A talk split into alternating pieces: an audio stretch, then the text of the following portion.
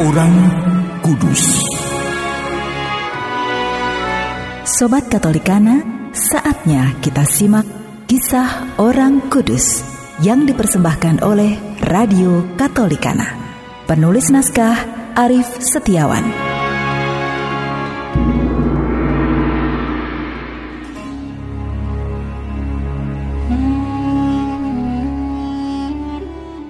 Saudara-saudari, hari ini kita akan mengikuti kisah Santa Casilda, seorang pengaku iman.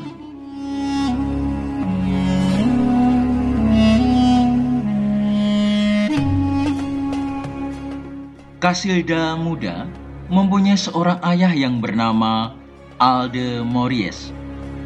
Ayah Casilda ini adalah seorang bangsawan yang masih kafir dan kejam dan dikenal juga sebagai penganiaya orang-orang Kristen. Sementara itu di sisi lain, Casilda yang dianugerahi budi luhur dan rasa kemanusiaan tinggi tanpa sepengetahuan ayahnya, Casilda justru bertekad membantu orang-orang Kristen yang dipenjarakan ayahnya dengan cara mengantarkan makanan serta mengajak mereka berdoa memohon peneguhan dari Tuhan dalam menanggung semua penderitaan yang ditimpakan kepada mereka. Sebenarnya, Casilda sendiri juga masih tergolong kafir tetapi hatinya sudah tersentuh oleh rahmat Allah melalui kesaksian hidup orang-orang Kristen yang sekarang ada dalam tahanan. Pada suatu hari, ketika bersama para tahanan, Eh, teman-teman, aku kok tertarik dan ingin menjadi pengikut Kristus ya.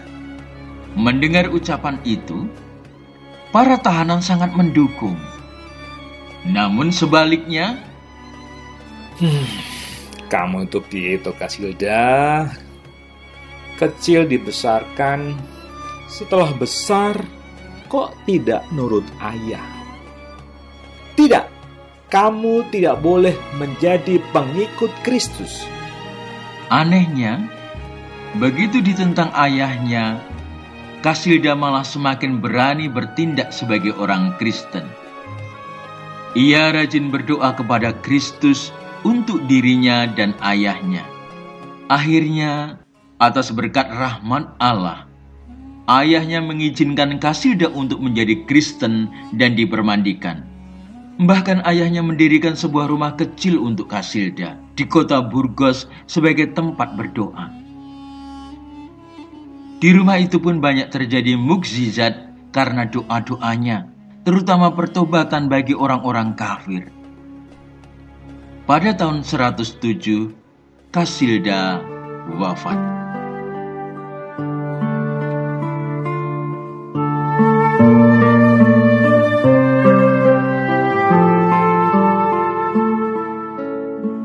Firman Tuhan menyatakan, Mintalah, maka akan diberikan kepadamu, carilah, maka kamu akan mendapat, ketoklah, maka pintu akan dibukakan bagimu. Sungguh luar biasa. Untuk bisa memperoleh kairos, yaitu suatu kesempatan yang diberikan oleh Tuhan, kita harus mencari Tuhan dengan sungguh-sungguh, supaya pintu itu dibukakan. Tidak ada jalan lain. Kita harus berada dalam posisi hidup benar setiap hari dengan menaruh pikiran dan perasaan yang terdapat dalam Kristus Yesus ke dalam kehidupan kita. Kita pun tahu bahwa dari hati kita bisa timbul segala pikiran yang jahat yang terrefleksi dalam perbuatan yang negatif pula. Tetapi bila pikiran Kristus ada di dalam diri kita, maka Roh Kudus akan menolong serta memberikan kekuatan sehingga kita tidak jatuh ke dalam dosa.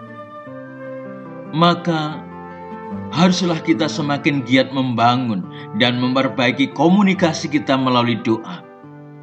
Sebaiknya itu semua tidak hanya dilakukan dalam waktu tertentu saja, melainkan terus-menerus.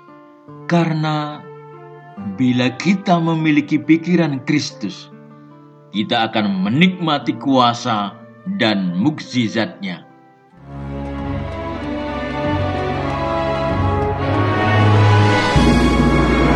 Demikian kisah orang kudus hari ini. Kisah orang kudus dapat Anda simak di Radio Katolikana setiap hari pukul 12 waktu Indonesia Barat dan pukul 19 waktu Indonesia Barat. Sampai jumpa di kisah orang kudus selanjutnya.